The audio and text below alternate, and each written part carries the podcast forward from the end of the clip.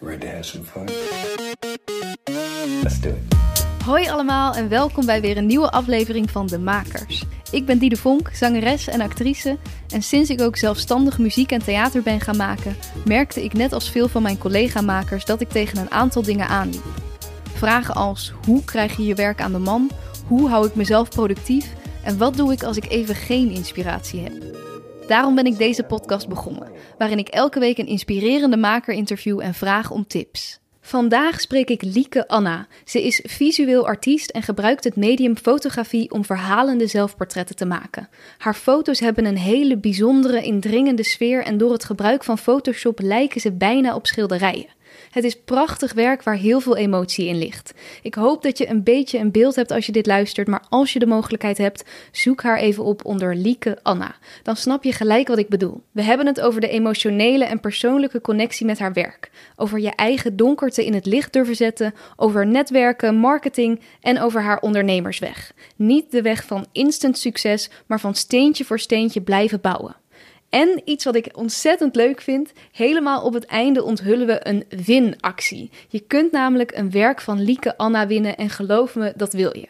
Wat je daarvoor moet doen, hoor je aan het einde van dit mooie en eerlijke gesprek. Heel veel luisterplezier.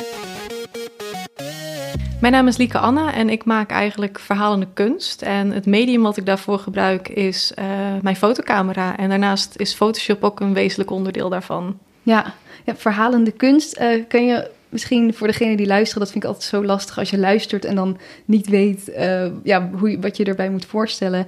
Um, wat voor sfeer of hoe, ja, hoe ziet het eruit, jouw uh, beelden? Um, laat ik beginnen met te vertellen dat ik zelfportretten maak. Want dat, um, voor mezelf is dat een heel duidelijk iets. Maar ik hoor nog steeds van mensen die verbaasd zijn wanneer ik vertel dat al mijn werk, uh, dat ik dat zelf ben. Dus ik doe eigenlijk alles zelf. En de stijl die ik hanteer is eigenlijk een beetje surrealistisch, schilderachtig um, werk wat ik maak. Dus eigenlijk zoek ik naar een manier om te kunnen schilderen met foto's. En dat bewerkstellig ik dan door van tevoren te gaan bedenken wat wil ik maken en hoe kan ik dat in Photoshop uh, daadwerkelijk ook neerzetten. Ja, want jij bedenkt van tevoren al eigenlijk het hele beeld wat je, wat je wilt neerzetten. Ja, bij mij is het zo dat het meeste werk gaat zitten in de voorbereiding. Dus uh, wat is het concept, wat is het verhaal wat ik wil gaan vertellen. En alles wat daarna komt, is onderdeel van dat verhaal wat ik wil vertellen. En dat kan dan zijn een, een emotie, iets wat ik heb meegemaakt. Um, en daar bedenk ik dan bij, wat heb ik nodig om dat te gaan maken? Ja, en eigenlijk heb je dus altijd alleen jezelf nodig. Uh, een mooie buitenomgeving. Mm -hmm. En ook vaak zit er in jouw werk, heb ik gemerkt, een soort van uh, en dat benoem je ook een, een soort van donkerte die je aan het licht wil brengen. Uh, bijvoorbeeld, uh, nou ja, gewoon dingen die, waar je in je binnenwereld mee struggelt of emoties, om die te laten zien ook. Ja, klopt. Eigenlijk is mijn werk het vormgeven van mijn innerlijke wereld. Dus als mens kom je dingen tegen in je leven. En dat zijn niet altijd even prettige dingen. En ik heb gemerkt dat de onderwerpen die ik aansnijd ook niet altijd even fijn gevonden worden door, door de kijkers. Hè. Dat kan soms ook heel confronterend zijn.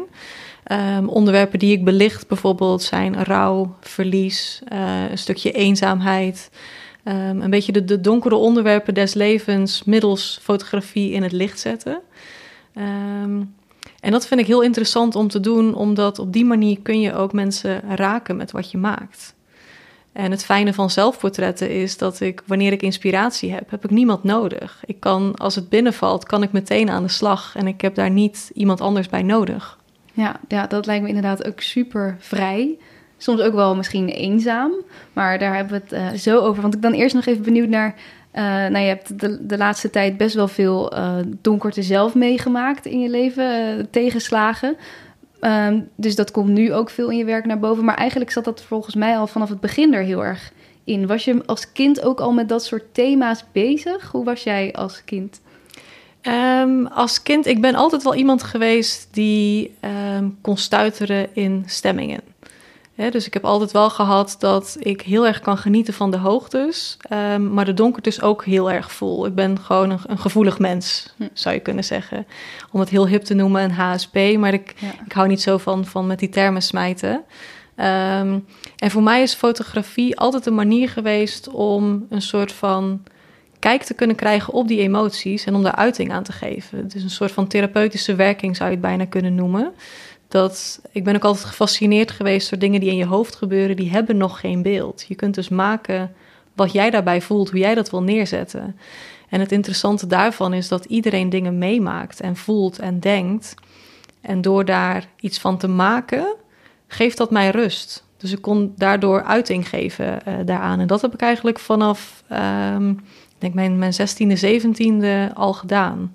Wat tof, wat bijzonder ook dat dat er gewoon echt al zo vroeg erin zat dat je dat, nou, dat je merkte van oké, ik kan fotografie daarvoor gebruiken om dat vorm te geven en dus ook voor jezelf bijna een therapeutische werking. Hielp het jou dan om, om die gevoelens beter te begrijpen of om, ja, hoe, hielp je dat? Zeker, omdat op die manier blijf je niet. Ik ben iemand die ontzettend veel nadenkt en heel vaak dezelfde rondjes eh, in mijn hoofd loop. En door er iets van te maken, kan ik eigenlijk bijna met een soort van bird's eye view kijken naar, uh, naar wat er gebeurt. En uh, mijn eigen verhaal en mijn eigen denkpatronen een soort van lezen in het beeld. Ja, oh ja, dat je opeens ziet van, oh, hier, hier gaat het om of zo. Of dat het, dat, dat het opeens helderder wordt ook voor jezelf, waar je eigenlijk mee zit. Precies, soms onbewust gaan er dan toch dingen in zitten um, die, die wel in mijn hoofd zitten, maar waar ik nog niet zo bewust van was. En door dat dan te maken, uh, komt dat wel aan het licht. Wat tof. En je zei net ook van, oké, als ik dan inspiratie heb, kan ik gelijk uh, erop af, zeg maar. Kan ik er gelijk mee, uh, aan de slag. Werkt dat ook voor jou zo dat je gewoon een soort uh, ja, inspiratie-inval krijgt? Of, of plan je ook wel echt elke week of elke maand... ik ga even een shoot doen hierover? Het, op verschillende manieren ga ik eigenlijk te werk. Ik heb bijna altijd een notitieboekje bij me... en ik kan geïnspireerd raken op de meest debiele momenten. Ik weet niet of makers dit herkennen, maar onder de douche heb ik dus heel vaak inspiratie. Ook, zeker, ja. Schijnt ook zo te werken dat je dan nergens anders mee bezig kunt zijn en dat, dat dan je, je, je, je geest zeg maar open staat um, en dat dan ideeën binnenvallen. Um, maar ook het vallen van een blaadje kan mij inspireren. De tekst van een liedje, de melodie van een nummer, um, hoe het licht van boven naar beneden schijnt of hoe een schaduw valt. Um, gevoel, weet je, dat ik ergens tegenaan loop. En, en meestal is dat dan een, een soort van contrast wat ik voel. Dus dat ik zowel geluk als, als schaduw voel. Dat ik denk, weet je, die frictie. Oh, hoe, hoe zit dat geluk? Heb je daar een voorbeeld van wanneer je dat dan allebei tegelijk voelt? Nou, het is meer zo dat als ik dan een gevoel heb wat ik niet helemaal kan duiden. Oh ja. Dus dat ik uh, dat bijvoorbeeld dingen goed gaan, maar ik voel toch er mist iets. Ik weet het niet zo goed. En als ik dan ga maken, dan kom ik vaak weer een beetje uit mijn hoofd en, en vind ik de rust. Weet je, ik ga, als ik maak, dan ga ik vaak, zoek ik vaak de natuur op. Um, de natuur inspireert mij ook enorm en ik vind het gewoon heel fijn om met mijn rugzakje lekker op pad te gaan. Mm -hmm. um, en dat haalt mij dan ook terug uit mijn hoofd. Dus dan kan ja. ik dingen ook weer helderder zien.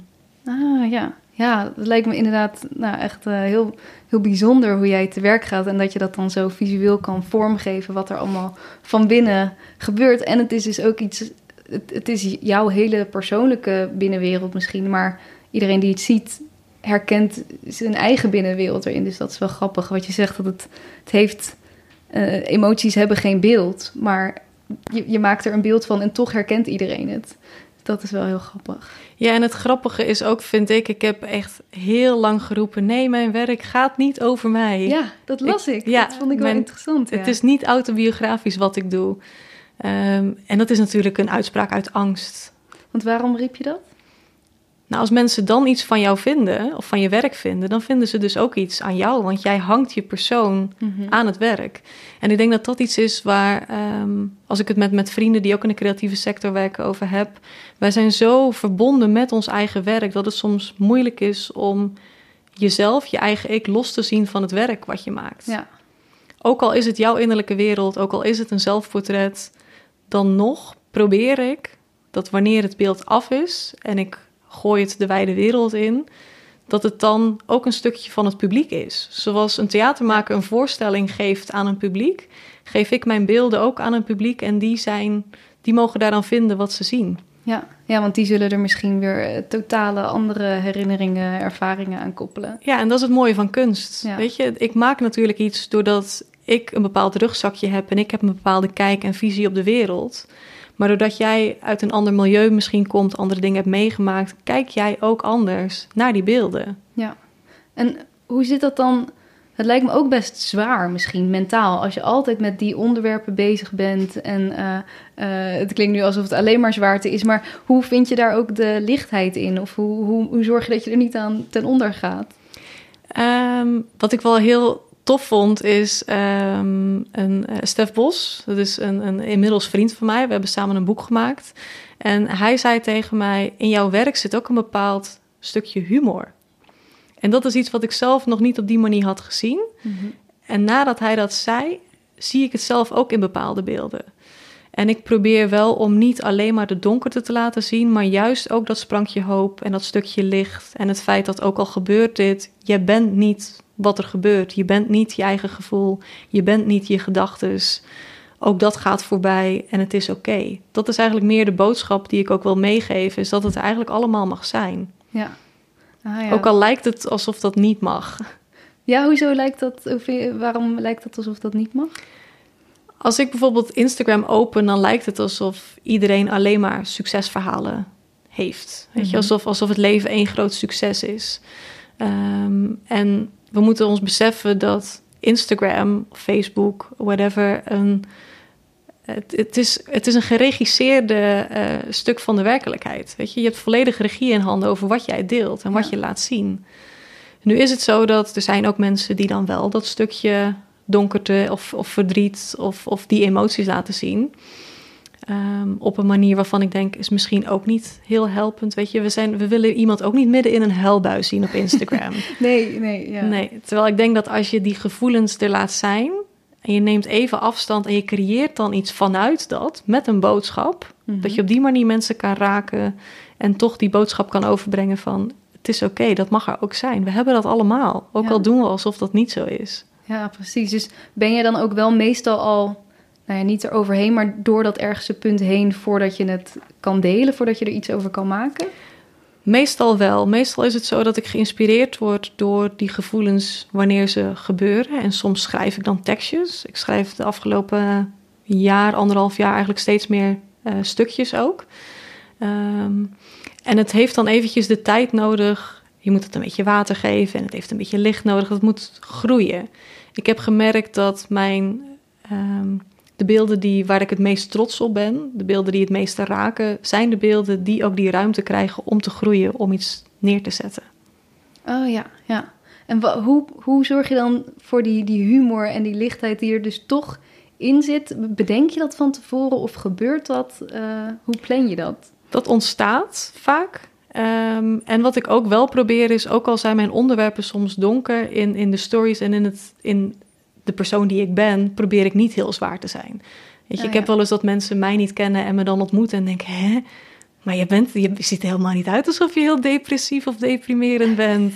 en je kan ook nog stomme grapjes maken. Hè? Hoe, hoezo dan? Ja. Ja, dus ik probeer dat wel ook met, met mijn persoon en de manier waarop ik over het werk vertel. Um, dat, dat stukje licht en hoop ook mee te geven. Maar het is eigenlijk ook, want ik zat dat ook te denken. Je, ziet, er, je, ziet er heel licht uit. Uh, gewoon letterlijk, zeg maar. nu een wit shirt aan, een mooie lange blonde haren, open gezicht. Um, en, en, inderdaad, uh, als jij gewoon uh, tegen de camera praat, dan zie je gewoon heel veel vreugde. En hoe, ja, hoe leven die twee dingen samen? Of is het juist dat je jouw donkere kant dus door die fotografie kan laten zien, dus dat je die niet ja, in de rest van je leven de hele tijd hoeft te ik denk dat je dat heel mooi verwoordt. Want ik denk dat dat wel is de manier is waarop ik het doe. Ja. Um, dat ik die, die donkerte en die dingen die mij overkomen of waar ik intrinsiek iets mee moet, dat stop ik in dat werk.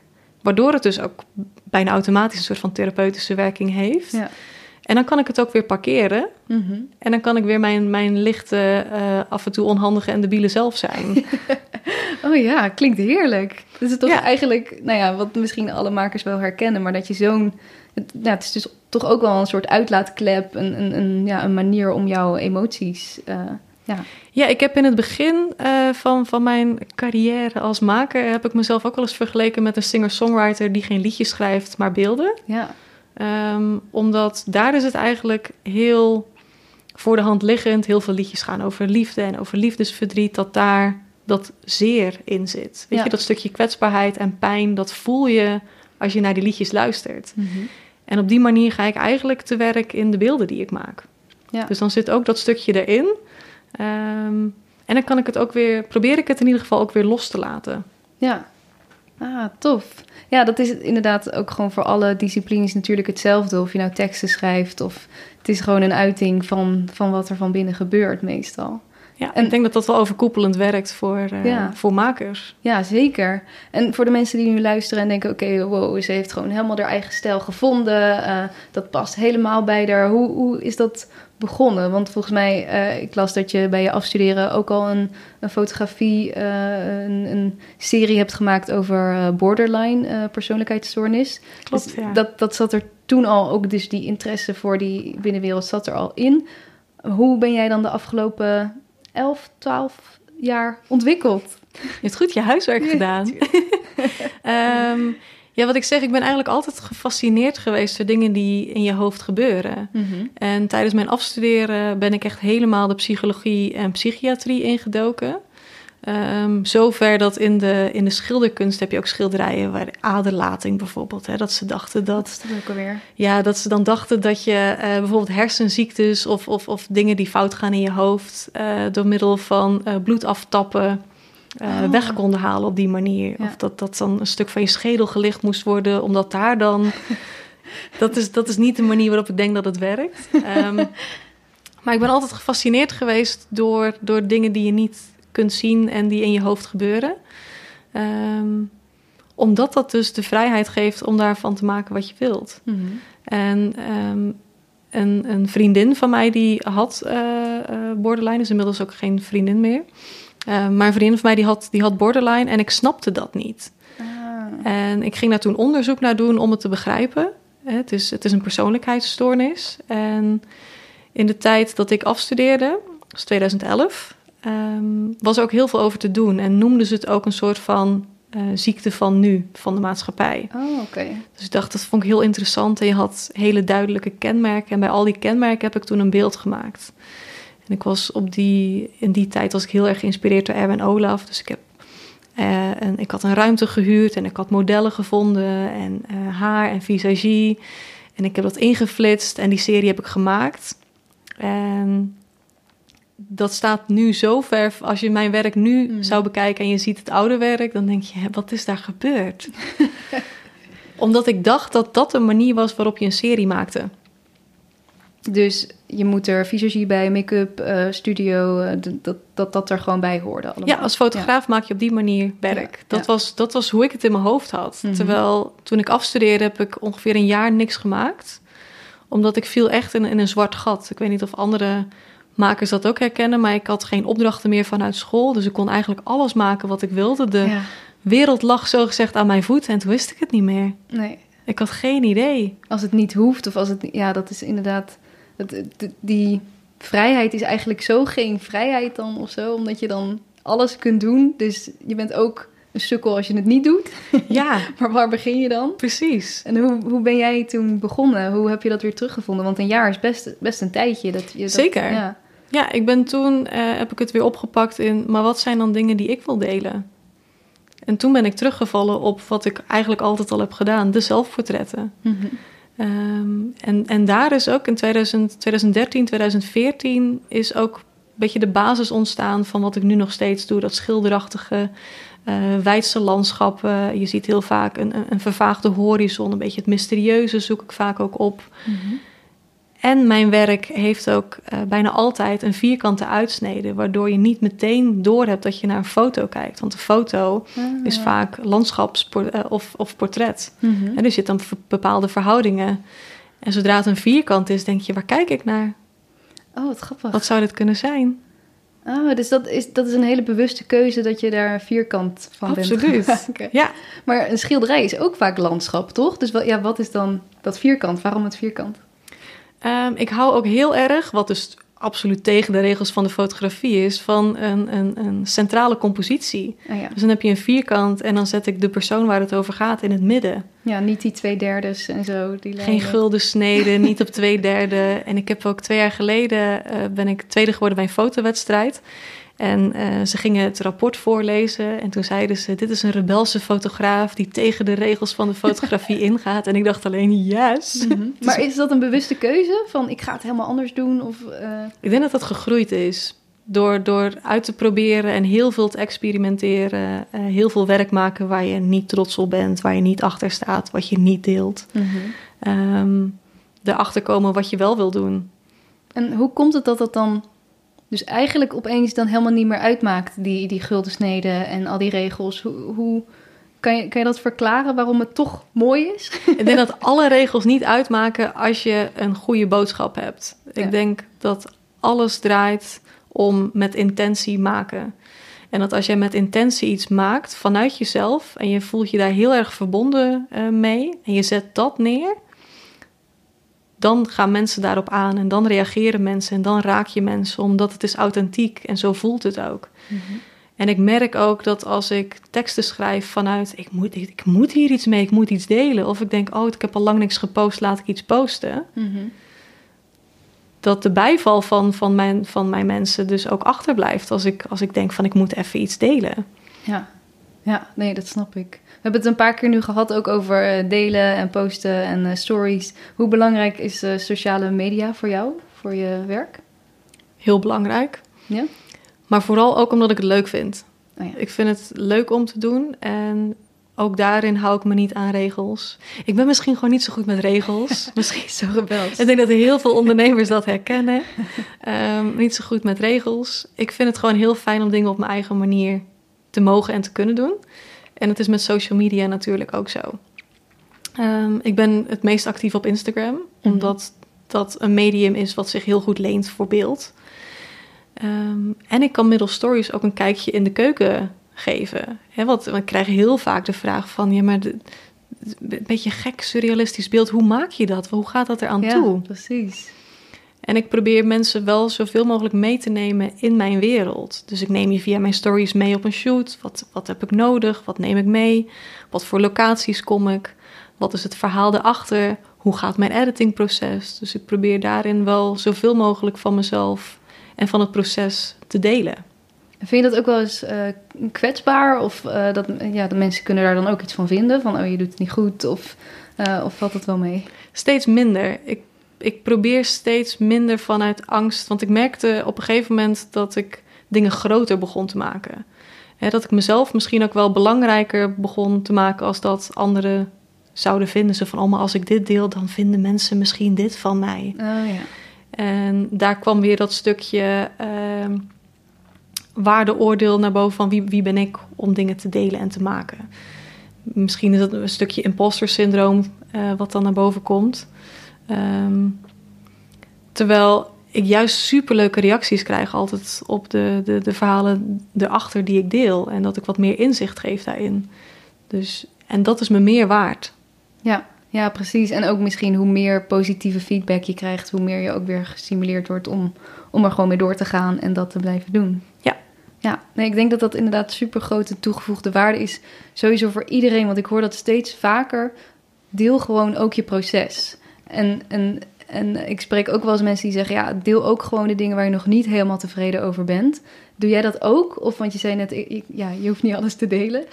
ik doe dat soms in de stories. Ah, ja. Dus daarin laat ik wel eens zien van, kijk, dit is een shoot die ik heb gedaan, maar voor mij is het niet gelukt. Ik zou dat meer kunnen doen. Ik, heb dat, uh, ik zie dat wel eens bij anderen die dat, die dat wel doen.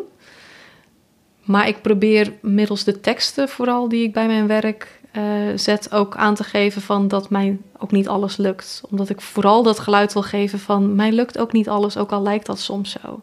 Ja. Weet je, ik heb ook ochtenden dat ik alleen maar mails aan het sturen ben die ik helemaal niet wil sturen, omdat mensen zich niet aan afspraken houden. Mm -hmm. Ook dat is creatief ondernemen. Ja, Weet je, dat, dat krijgen we erbij. Ja. We hebben het heel leuk over maken, maar alleen met maken kom je er ook niet. Je bent ook nog eens ondernemer. Zeker. Um, met heel veel vallen en opstaan. In mijn geval en in de geluiden die ik om me heen hoor eigenlijk ook. Ja, absoluut. Um, dat dat daarmee verbonden is. Maar ik vind het wel interessant om juist ook dingen te laten zien die niet altijd even goed lukken. Mm -hmm. um, of waar dat dan aan ligt of waar je tegenaan loopt. Ik denk dat dat juist voor, ehm, voor bijvoorbeeld beginnende makers inspirerend werkt van oh, dus het hoeft niet altijd meteen te lukken. Precies, ja. Ja, want je vergelijkt toch altijd jouw eerste opdracht met iemand die al uh, tien jaar bezig is. En ja, dan, dan is het natuurlijk super demotiverend om, uh, nou ja, om, om dan weer naar je eigen werk te kijken. Dus ja. uh, nee, dat is niet iets wat moet of zo hoor. Maar ik zat er opeens aan te denken. Want als je naar jouw, jouw Instagram kijkt, zie je natuurlijk wel gewoon al jouw super mooie beelden. Maar je deelt dus ook wel een beetje die achter de schermen van het gaat ook wel eens niet goed. Ja, ik vind het ook wel heel belangrijk om, om te delen. En wat ik ook belangrijk vind om te delen is dat het. Um, het mag ook best een moeilijke weg zijn. Mm -hmm. Dus geen populaire, populaire uitspraak die ik hier doe. Maar ik, ik, ik krijg wel eens de vraag van... heb je tips? Hoe kom ik waar jij bent? Ja. Um, en ik zeg dan vaak ook van... ja, je moet gewoon, je moet gewoon tien jaar lang doorknokken. Mm -hmm. Je krijgt het niet op een presenteerblaadje. En gelukkig ook. Ja. Um, ik denk dat al die lessen die je leert gaandeweg, hè, de, de, de tegenslagen, het vallen en opstaan, met je neus tegen deuren aanlopen, toch te weinig geld vragen voor wat je doet, um, afspraken die nagekomen worden, dat, dat dat de momenten zijn die je nodig hebt om te leren en groter te worden. Um, dus het is een lange weg. Je hebt een lange adem nodig. Maar als je echt passie hebt en je hebt een, een, een vuurtje in jou en je kan niet anders dan dat maken, dan kom je er. Ja, ja. Goeie, we hebben het inderdaad nu veel over het makerschap ge gehad, maar laten we het dan even over al die vervelende tegenslagen hebben. Voordat we verder gaan met dit gesprek, even een kleine korte mededeling van mij tussendoor. Ik heb voor een aantal afleveringen van deze podcast een subsidie gekregen. Die is helaas nu afgelopen, maar ik wil deze podcast heel graag blijven maken.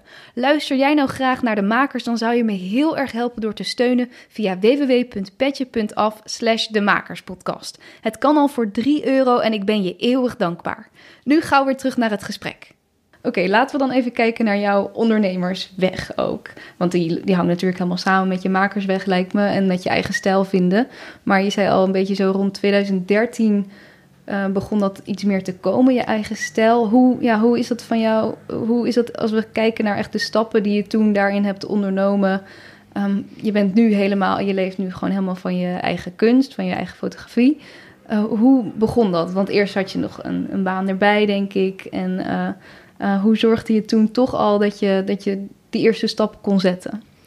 Ja, ik, heb, ik ben in 2011 ben ik afgestudeerd en ik heb vanaf 2013 heb ik ook bruidsreportages gedaan. Je zegt het um, met een bepaalde... Er zit een klein ondertoontje in. Was niet helemaal mijn, mijn ding. Maar ik had op een gegeven moment de gedachte... Ik heb ook in de horeca heel lang bijgebeund. Als ik mijn horeca kan afbouwen... En ik kan in ieder geval het stukje um, um, stabiel inkomen uit fotografie genereren. Ja.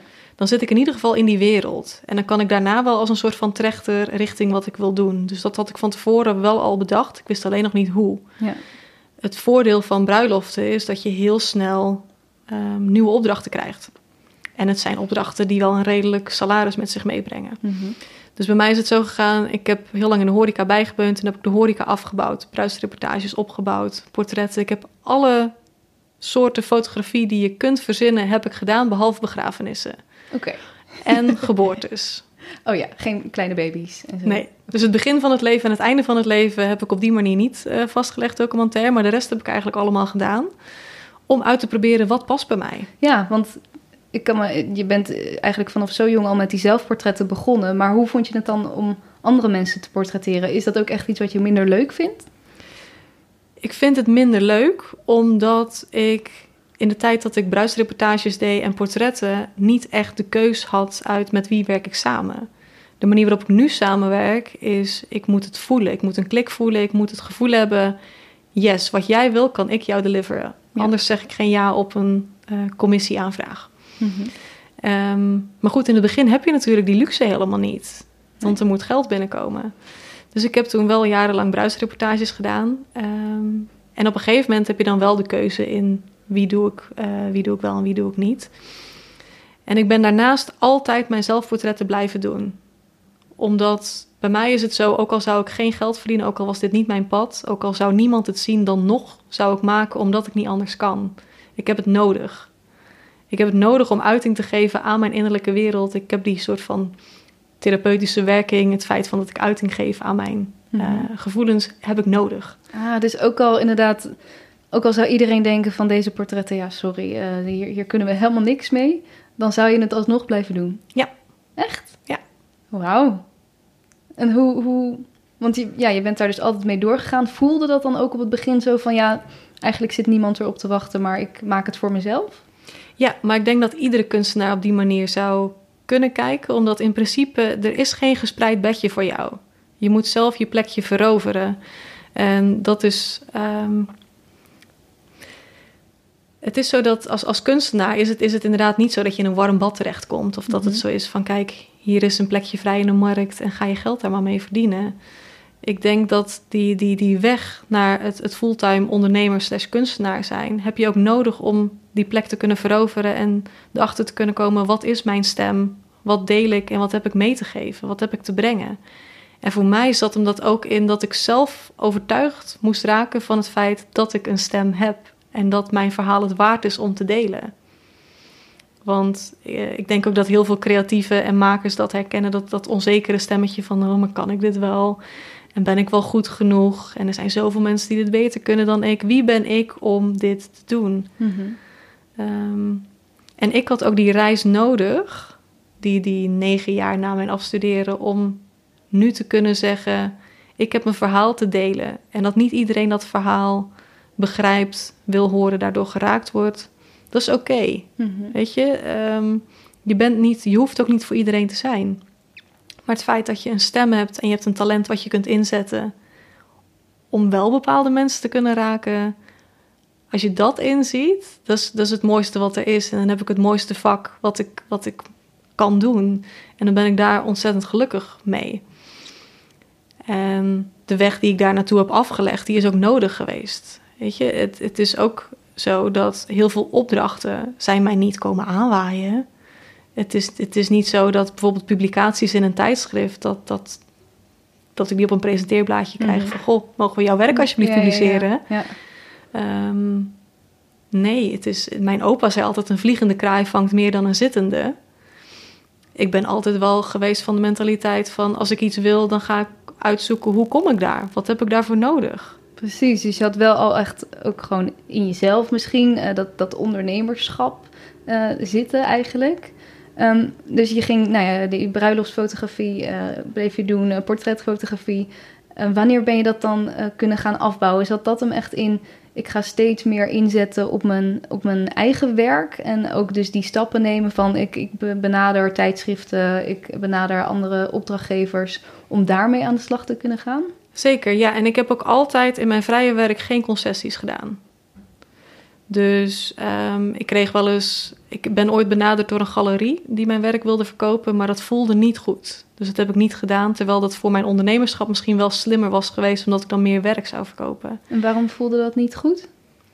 Die vroegen dingen van mij waar ik niet achter stond. Nou ja. um, die galerie had in, um, in hun hoofd als kunstenaar mag je niet delen hoe je dingen doet. Je mag geen workshops geven, geen lezingen. Je moet een soort van kluizenaar zijn oh. en, en, en op een houtje bijten en niet te veel van jezelf laten zien. Alles waar ik niet voor sta. Maar dat heeft eigenlijk. Uh, dat, uh, dat, heeft eigenlijk. Sorry, ik lach, want uh, ze stoot tegen de microfoon maar dat heeft dus eigenlijk helemaal niks te maken met jouw werk zelf. Waar je dat, maar gewoon met jou als persoon of hoe jij je dingen deelt. Dat, dat moest jij dan aanpassen om daar te kunnen exposeren. Ja. Wauw, bizar dus wel. Vriendelijk bedankt. ja. Ja, en ik vind het sowieso altijd, wat ik ervan hoor, een vreemde wereld met galerieën. Want je, je huurt echt een soort plek daar toch. En je moet best wel veel van je, je bedrag ook aan zo'n galerie uh, weer teruggeven. Ja, het is, um, eigenlijk is het zo dat je hebt verschillende manieren. Dus je kan uh, gerepresenteerd worden door een galerie en je kan een soort van gast-expo uh, doen. En stel je wordt gerepresenteerd, dan is het zo dat zij verkopen jouw werk. Mm dus je, je hebt een vast plekje binnen die galerie en zij zijn eigenlijk een soort van ambassadeur van jou als maker. Maar je levert dan wel de helft, vaak minimaal, in van de prijs. Zoveel. Heel veel. Aan de andere kant is het wel zo. Zij hebben wel connecties. Zij hebben wel een netwerk van mensen die geïnteresseerd zijn in kunst. Kun jij dat op je eigen manier? Ja. Kun jij ook jouw klanten vinden? Ja, dat is inderdaad misschien voor echt kunstenaars die zeggen: ja, ik kan dat niet. Ik, ik wil niet dat ondernemerschap. Want die, die hoor ik ook nog steeds. Want ik ben met deze podcast natuurlijk heel erg bezig met kunstenaars ook dat ondernemerschap, uh, nou ja, het daar ook over te hebben. Maar er zijn ook gewoon, gewoon mensen die zeggen: ja, ik, ik, kan dat niet. Ik word daar helemaal ongelukkig van. Dan is dat misschien wel weer een oplossing. Ja. Ja, ja en het is ook geen goed of fout. Hè? Ik denk dat, het, dat het een kwestie is van wat past bij jou. Ik vind het ook heel leuk om uh, na te denken op wat voor manier kan ik bij mijn klanten terechtkomen? Wie zijn nou uh, mensen die geïnteresseerd zijn in mijn werk? Op wat voor manier presenteer ik dat? Um, en hoe kan ik toch dingen van mezelf laten zien? Ik vind dat ik, ik haal daar ook geluk uit. Um, het is niet altijd makkelijk. Mm -hmm. Dat is ook zo. Maar, maar een stukje marketing in jezelf neerzetten, personal branding, vind ik heel interessant om te doen.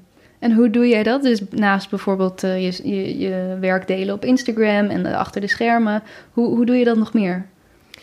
Um, ja, wat, wat nu in coronatijden heel lastig is, is dat je hebt dus niet um, plekken waar mensen nu samenkomen die in die wereld zitten.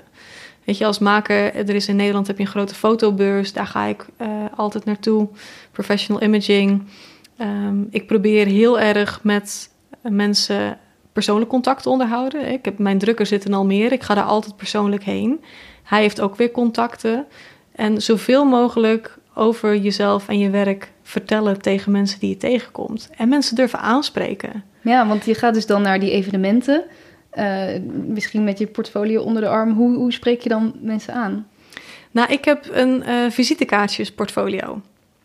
Oké. Okay. Dus heel veel mensen uh, hebben in deze tijd geen visitekaartje meer, omdat we in een soort van digitale wereld leven. Terwijl ik heb ook vierkante visitekaartjes.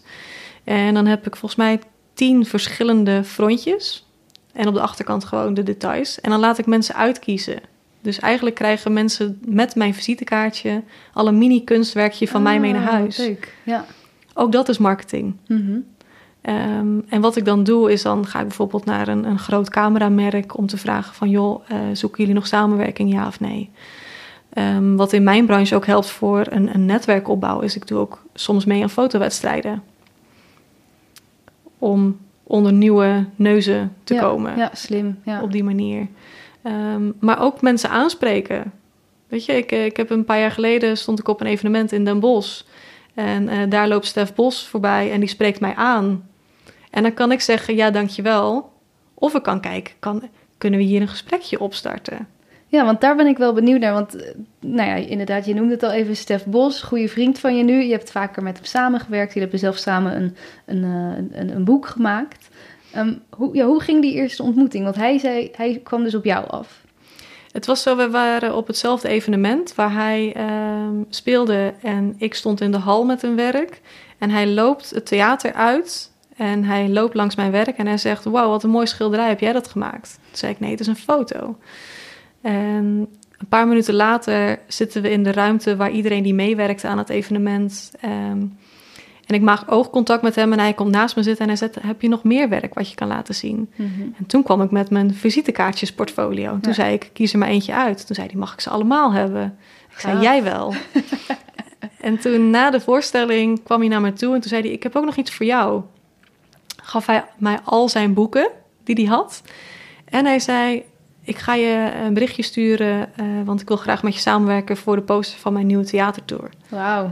En toen dacht ik, ja, maar dat zeg je tegen iedereen, die gaat mij echt niet berichten. Een paar uur later, drie uur s'nachts, had ik al een berichtje van hem dat hij het fijn vond om me te ontmoeten. Uh, zullen we een keertje uit eten gaan om het te bespreken? Nou, lang verhaal kort, die samenwerking klikte zo goed. Terwijl die man had mijn vader kunnen zijn qua leeftijd. Hij is afgestudeerd in het jaar dat ik ben geboren. Oh, wat grappig. Um, ja. ja. maar het klikte zo goed, wat een bepaalde basis van, van naar de wereld kijken. Hij middels tekst en ik middels beeld. Ja. Wat zo goed samenwerkt dat hij zei, we moeten een boek maken. Oh, wat tof. Dus dat is ook echt dan wel gewoon zo erg op je pad gekomen. In de zin van, hij stond daar ook helemaal voor open. En uh, zag daar ook gelijk een hele hoop dingen in. Ja. Want zo gaat het natuurlijk niet altijd. Je hebt ook veel mensen die, waarvan jij denkt, oh, wij kunnen samenwerken. En die denken, nou, zal Die heb je meer. Ja. Je, je, krijgt meer nee's in je leven dan ja's. Ja. Um, Maar als je zo'n gigantische ja krijgt, dan moet je die ook wel met beide handen aangrijpen. Um, dus het boek is uitverkocht. Begin volgend jaar, begin 2021, gaan we in de herdruk.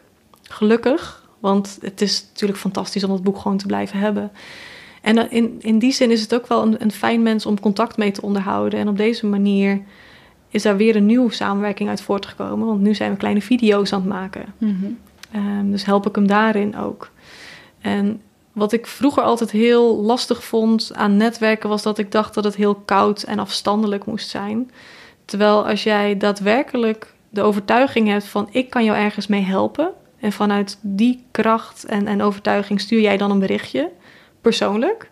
Dus niet uh, geachte meneer, mevrouw, heer, beste meneer. Maar echt daadwerkelijk. Stel, stel ik, wil een, ik zie jou, ik, je hebt een voorstelling gemaakt en ik denk: wow, dat, ik zie echt een beeld bij, in mijn hoofd en dat beeld dat moet er komen voor jou. Mhm.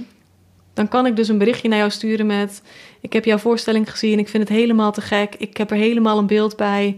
Uh, op deze manier zouden we dat kunnen doen. Stuur me een berichtje als je geïnteresseerd bent. Ja, het is echt persoonlijk ook. Ja, ja ik denk dat in deze tijd waarin we zitten, dat door persoonlijke aanpak, dat je daarin het verschil kan maken. Mhm. En dat je daarin juist die connectie terugkrijgt. Ik, ik heb af en toe een beetje het gevoel alsof dingen uit elkaar vallen en we een beetje de connectie missen. Mhm. En door die persoonlijke aanpak komen we wel weer iets dichter terug naar elkaar toe. Ja, ja en dat is ook. Iedereen vindt dat leuk om te horen, denk ik, na een voorstelling. Dat iemand dat leuk vond en daar ook nog eens een, een nieuw idee bij heeft. Dus als je het inderdaad echt insteekt dat denk ik ook bij netwerken. Uh, dat, ik kan iets doen voor jou, maar ik vind het ook, ik, heb, ik zie wat jij doet en, en daardoor uh, word ik geïnspireerd om dit te doen. Dat is denk ik de goede aanpak. En dat heb ik in mijn studententijd ook al gedaan. Ik zat in het, uh, ik heb op de Hogeschool voor de Kunst in Tilburg gezeten, mhm. in hetzelfde gebouw als de Rock Academie. En ik ging dan naar de live shows van de studenten. En op een gegeven moment zag ik daar een artiest en ik keek naar zijn uh, branding foto's. En toen dacht ik, ja, maar wat ik zie klopt helemaal niet bij hoe jij je presenteert qua beeld. En toen heb ik een shoot voor hem gedaan. Oh, wat goed. Ja. Ja. Dus ook, je zoekt ook wel echt dat interdisciplinaire op eigenlijk. Ja, en ik zoek dus ook mijn klanten uit soms. Ja, precies. Ja, want waarom zou ik wachten tot mensen naar mij toe komen als ik ook daadwerkelijk op zoek kan gaan? Ja, want je zei net al, sommige mensen denken misschien dat het mij komt aanwaaien. Ja. dat, dat, is dus niet zo. Je onderneemt echt wel gewoon zelf veel actie. Ja. Zijn er dingen die je, nou ja, gewoon überhaupt misschien in het marketing, zijn er dingen die je geleerd hebt of juist uh, valkuilen waar je tegen aangelopen bent, die je, nou ja, je doet het nu al een tijdje dus, uh, ja, die jij daaruit meegenomen hebt? Um, ja, dan kom ik terug op de uitspraak van mijn opa. En wat ik ook wel heel belangrijk vind, is de brutale hebben ook echt de halve wereld. Um, ik heb altijd gedacht, als je op een gegeven moment op een bepaalde plek bent, dan komen de opdrachten en de, de publicaties naar jou toe. Ja. Terwijl ik ben gewoon heel erg van het heft in eigen hand nemen en op zoek gaan naar wat past bij jou. Mm welk, welk platform past bij jou, spreekt dezelfde taal? Uh, welke opdrachten passen daarbij? Um, en daarin juist heel erg proactief zijn. Ja. Dus niet achterover gaan leunen en, en wachten tot dingen naar jou toe komen. Ehm, maar daarin echt wel vechten voor wat je, wat je wil neerzetten en wat je, wat je belangrijk vindt. En dan ook, maar het moet wel oprecht zijn. Weet je, het is nu zo, ik ben, ik ben bezig met, met een nieuwe fotoserie. En daarin denk ik dat bepaalde organisaties daar heel goed bij zouden passen. Dus ik heb de Hartstichting benaderd. En uh, er zijn andere stichtingen die mij hebben afgewezen of die zeggen we hebben geen ruimte voor. Ik heb er maar eentje nodig die mhm. zegt wat jij doet, daar geloven wij in, wij voelen dit, laten we samen iets neer gaan zetten. Ah ja, want ik, je denkt misschien van bij een zelfportret, daar heb je toch geen andere dan bij nodig of zo. Maar uh, jij zoekt dus ook echt partijen om, ja, om dat samen met jou te kunnen maken. Omdat ik denk, ik heb het altijd heel veel zelf gedaan. Um, maar ik denk wel dat ik nu op een punt ben gekomen in mijn carrière dat ik op die manier ook wil gaan werken om een grotere boodschap te delen. Ja. ik heb heel vaak mijn eigen struggles en, en, en innerlijke dingetjes gedeeld. En ik denk wel dat het nu ook tijd is om het iets groter neer te gaan zetten en te, en te onderzoeken. Ik vind het super spannend, maar ik leef ook voor die spanning. Ik heb die spanning ook nodig. Ik was ook best zenuwachtig voor dit gesprek bijvoorbeeld. Maar dan zit ik hier en dan, dan voel ik dat ik aanga, dat ik er zin in heb. En dan denk ik, yes, dit Ja. is wat ik wil doen. Ja. En ik denk dat dat gevoel heel belangrijk is. Ik heb van de week een masterclass over geluk ehm, bekeken van Guido Weijers. En die had het ook over. Weet je, je kan sommige dingen kun je niet veranderen. Je kan niet veranderen wat je overkomt. Maar je kan wel de keuze maken. Waar word ik gelukkig van en welke stappen kan ik zetten in die richting om dat voor elkaar te krijgen? Ja. Ik ben een beetje allergisch voor de, ehm, voor de slachtofferrol waarin sommige mensen kunnen zitten. Mhm. Terwijl, nee, je hebt geen invloed op alles. Maar je hebt toch best wel wat invloed op veel dingen. Ja. ja, dus wel enerzijds zeg je natuurlijk, eh, het mag er zijn als je je onzeker voelt. Of eh, als je denkt, eh, of je misschien wel even een slachtoffer voelt. Of je denkt, ik kan het niet. Maar ga wel in de actie. Blijf er niet in hangen. Ja, Dat is wel een les die ik zelf heb geleerd in de, in de, in de loop der jaren, zeg maar. Ehm, dat als je het toelaat en het mag er zijn en het is oké, dat het dan vaak ook korter duurt. ja, En dat je daarna weer door kan. Ehm, bij mij is een valkuil dat ik, dat ik bijvoorbeeld bang ben dat ik niet meer uit mijn donkere gevoel kom. Terwijl als ik het toelaat en je denkt, oké, ik voel me nu gewoon even KUT. ehm, meestal is het na een paar minuten over en dan kan ik er weer tegenaan. ja. En zo niet, dan is het een paar uur. Maar het is nooit dat overspoelende gevoel waar je bang voor bent. Ehm, en praat erover. Ja, dat is echt een goede les. Inderdaad, je denkt altijd, oh, als ik er gewoon maar niet te veel aandacht naartoe stuur, dan is het er niet. Of dan Stop is het lekker er weg. niet. Stop het lekker Dan, weg. dan bestaat het niet. eh, maar gewoon er wel even naartoe gaan. En dan, dan ja, is het Laat dat ook ook minder binnen. eng dat het dan het lijkt van tevoren. Ja, laat het, laat het ook toe dat het gebeurt. En ik weet dat niet iedereen praat er even makkelijk over, maar erover praten en het delen op wat voor manier dan ook. Of het nou is dat je een, een tekstje schrijft, dat je een appje stuurt, een belletje, eh, een beeld overmaakt, een, een voorstelling erover maakt, een liedje schrijft. Ehm, maar mij helpt het om er iets constructiefs mee te doen. Ja. Dat haalt mij uit mijn slachtofferrol. Ja. Dan overkomt het je niet meer. Nee, het is dit gebeurt en ik maak er iets van en dan kan ik weer door. Ja, goeie.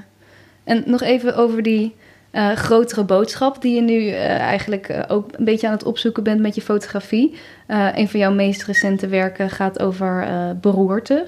Ehm, dat is een grotere boodschap, maar die komt ook eigenlijk vanuit je eigen leven. Kan je daar iets over vertellen?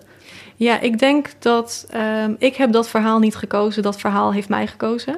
Ehm, het is zo dat 4,5 maand geleden heeft mijn moeder een hersenbloeding gehad. En dat is iets dat overkomt je.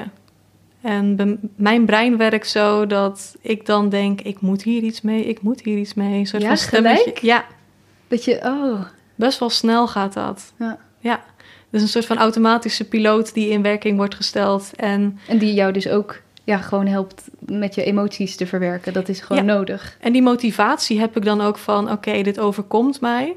100 mensen per dag overkomt een beroerte. Superveel in Nederland. Ja. Ehm, dus het is een verhaal waar ik iets mee kan. En dan, ik ben dan eerst in de onderzoeksfase gegaan van... oké, wat voor beeldmateriaal is er? Kan ik hier iets mee? En toen heb ik een, een beeld gemaakt over, ehm, over wat het doet. En het is dus een zelfportret waarin ik op het strand sta... en er komt zwarte rook uit mijn hoofd. Ehm, en dat is eigenlijk wat er gebeurt bij een beroerte. Je hebt verschillende soorten. Ik zal daar niet over uitweiden, maar eh, het is een defect in je hoofd. Mhm. En met alle gevolgen van dien.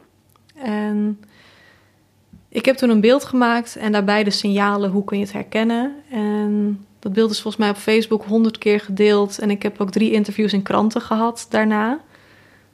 Maar die kranten hebben mij niet gevonden. Ik heb de krant gevonden. Ah.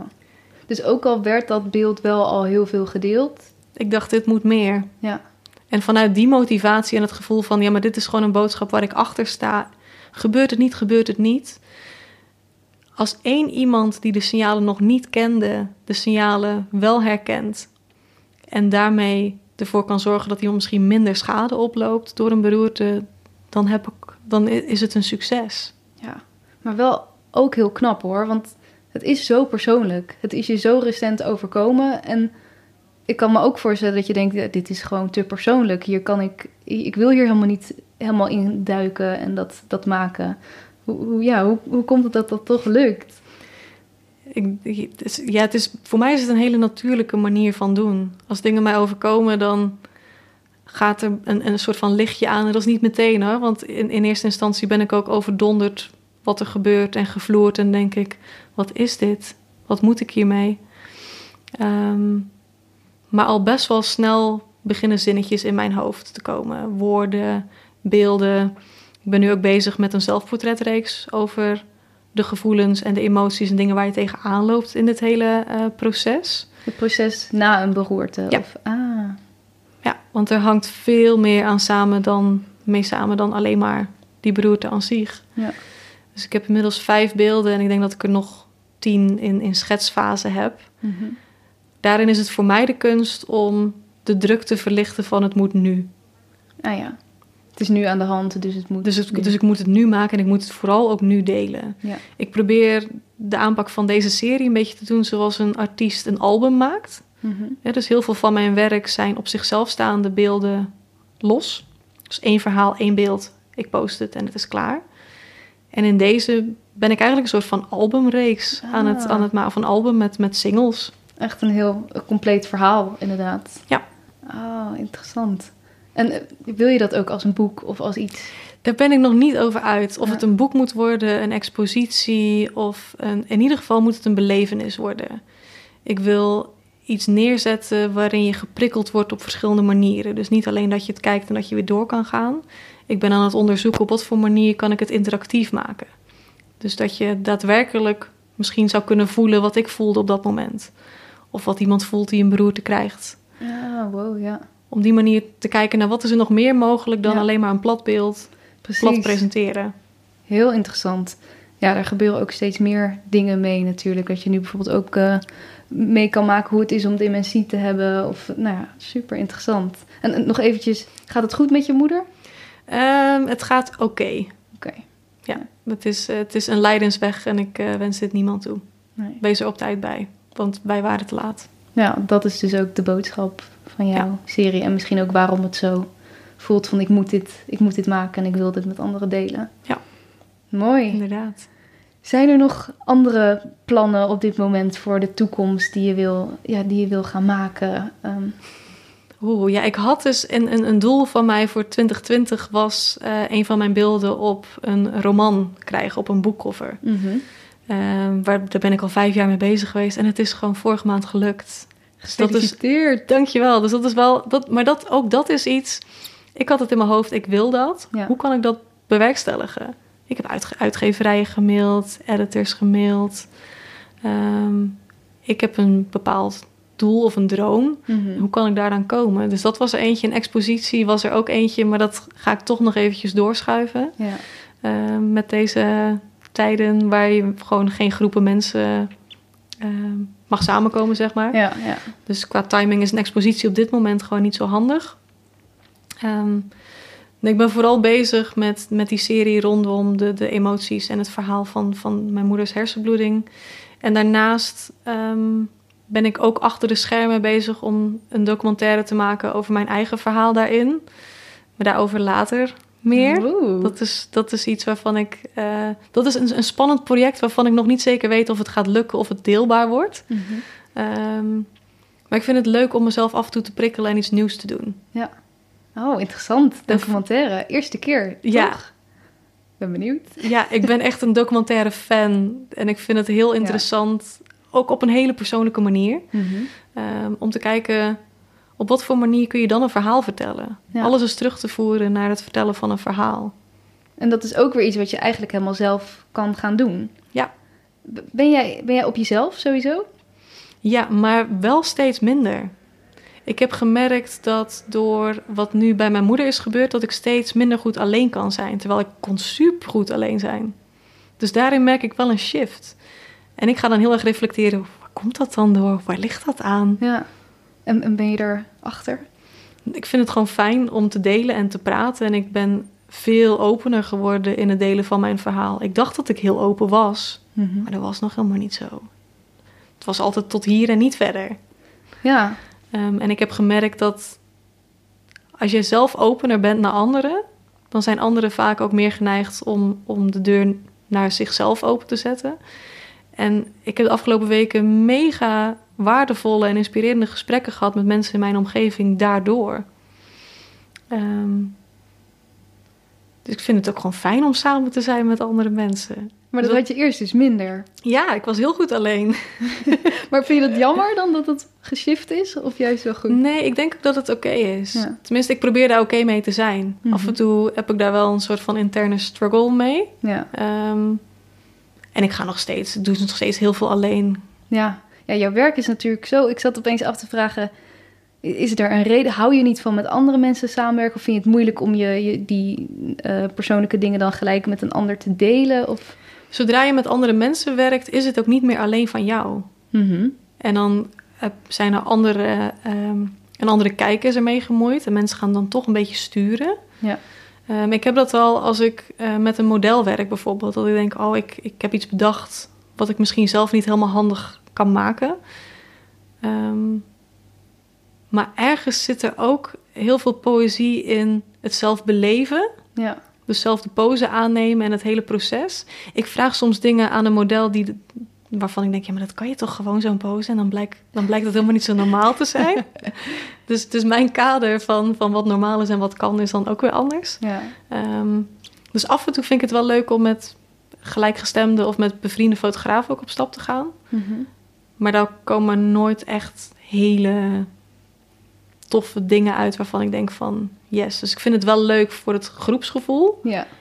maar niet voor het werk op dit moment. Maar ik sluit het niet uit. Oké. Want het lijkt me heel interessant om ook andere verhalen van andere mensen te kunnen gaan portretteren. Ja. Zijn er dingen die jij, eh, die jij wilt meegeven aan andere makers, andere creatieven?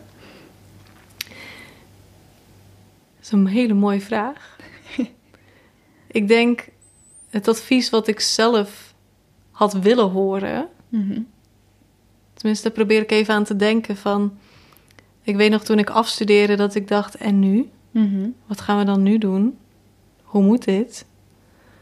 Ehm, die, de zoektocht naar wie je, wie je bent en wat je doet, dat dat ook in je werk mag zitten. Ik vind dat wel een heel interessante. Ehm, Hoe bedoel je dat? nou, daar komt mij. Ik ben, ik ben een perfectionist. En ik kan altijd blijven sleutelen aan dingen en het zal nooit goed genoeg worden. Ik heb een diep gewortelde overtuiging dat alles wat ik doe nooit goed genoeg zal zijn. Terwijl niet goed genoeg is goed genoeg. En dat is iets waar, waarvan ik had gewild dat mij dat advies was gegeven van... Maar het, is, maar het is goed wat je doet, deel maar gewoon. Ga maar gewoon op je bek en zie wat er gebeurt. Blijf experimenteren, blijf doen, blijf delen... en ga ook dat gesprek aan, zoek gelijkgestemden om je heen... Uh, benader mensen die misschien een stapje verder zijn dan jij... want zij vinden het hartstikke leuk om vragen te krijgen en jou te helpen. Durf meer. En probeer die angst opzij te zetten, want het is in jouw hoofd vaak veel groter en belangrijker dan dat het voor een ander ooit zal zijn. Ik denk als ik die angst eerder opzij had kunnen zetten, dat ik meer had gedurfd en nog meer van mezelf in mijn werk had kunnen leggen. Wat ik nu probeer te doen, is om het nog authentieker en dichter bij mezelf te houden. Want ieders verhaal is het waard om op wat voor manier dan ook verteld te worden. Ja, maar had je dat, als iemand dat dan tegen jou gezegd zou hebben als je net afgestudeerd was, had je dat geloofd? Tuurlijk niet. nee, want je hebt die jaren nodig om daar zelf achter te komen. Ja.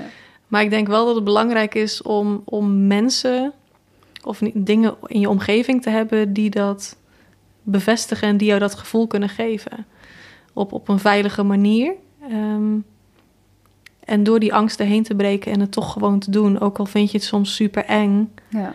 Als jouw vuurtje groot genoeg is en je hebt passie ergens voor, ga ervoor. Want wat heb, wat heb je te verliezen? Zeker als- aan het begin van je carrière. Je hebt niks te verliezen. Mhm. Het enige wat je hebt te verliezen is, is tijd en het feit van... oh, het is misschien niet gelukt. Ja. Terwijl het is zo belangrijk om te doen waar je in gelooft... en wat je wilt en wat je belangrijk vindt en waar je voor staat. Ja, ook al weet je misschien nog niet helemaal waar je dan in gelooft. Of Nee. waar, waar sta ik voor. Of, de- maar daar kom je dus ook achter door het gewoon te proberen. Denk ik. Zeker. En, Ja. en door, het, door gewoon heel veel te doen. Ja. Ehm, en op te staan en te denken, wat wil ik vandaag gaan doen? En ook al heb je maar een uurtje de tijd die dag om dat te doen, blijf dat belangrijk genoeg vinden om dat te doen. En heb niet te veel haast. Want ik dacht ook, oh maar ik ben nu zo lang afgestudeerd, nu moet ik wel daar zijn. Ja. Het mag ook wat langer duren. Het hoeft niet, je hoeft die instant succes niet te hebben, ook al lijkt dat heel aantrekkelijk. ja, want sommigen gaan natuurlijk in één keer eh, Ja. de lucht in. Ja, je ziet dat, je ziet dat natuurlijk bij eh, bijvoorbeeld mensen die meedoen aan een talentenjacht, die dan ineens gecatapulteerd worden. Terwijl ik denk de manier waarop, ehm, waarop je ergens voor werkt, Ja. dat je dan zelf jezelf ook het gevoel kan geven, maar dat heb ik gedaan, hè? Mhm. En dat die lange weg ergens naartoe ervoor zorgt dat je dat gevoel hebt van, oh, maar ik heb het, ik heb het misschien toch wel zelf gedaan. ik kan misschien toch wel trots zijn op dat ik Ja. iets heb neergezet. Ehm, dus geef jezelf de, de rust en ontneem jezelf. Zorg ervoor dat je niet te angstig bent.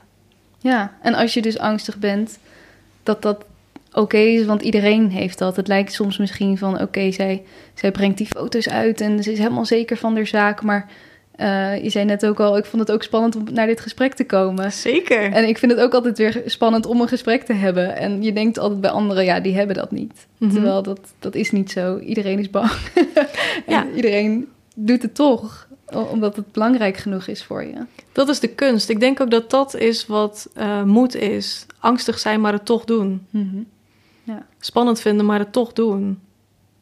Denken dat je het misschien niet kan, maar het toch doen, toch proberen. Ik denk dat dat heel krachtig is. Op het moment dat je dat doet, voel je je heel kwetsbaar. Want dan gaan alle alarmbellen rinkelen van, ja, maar wie denk ik, kan ik dit wel? En het dan toch doen. Ja. Dat is zo'n big up naar jezelf. En, en daar ga je zoveel voldoening uithalen, ook al werkt het misschien niet, dan nog. Gewoon doen. Gewoon doen. Fuck it. Hele mooie om mee af te sluiten, denk ik.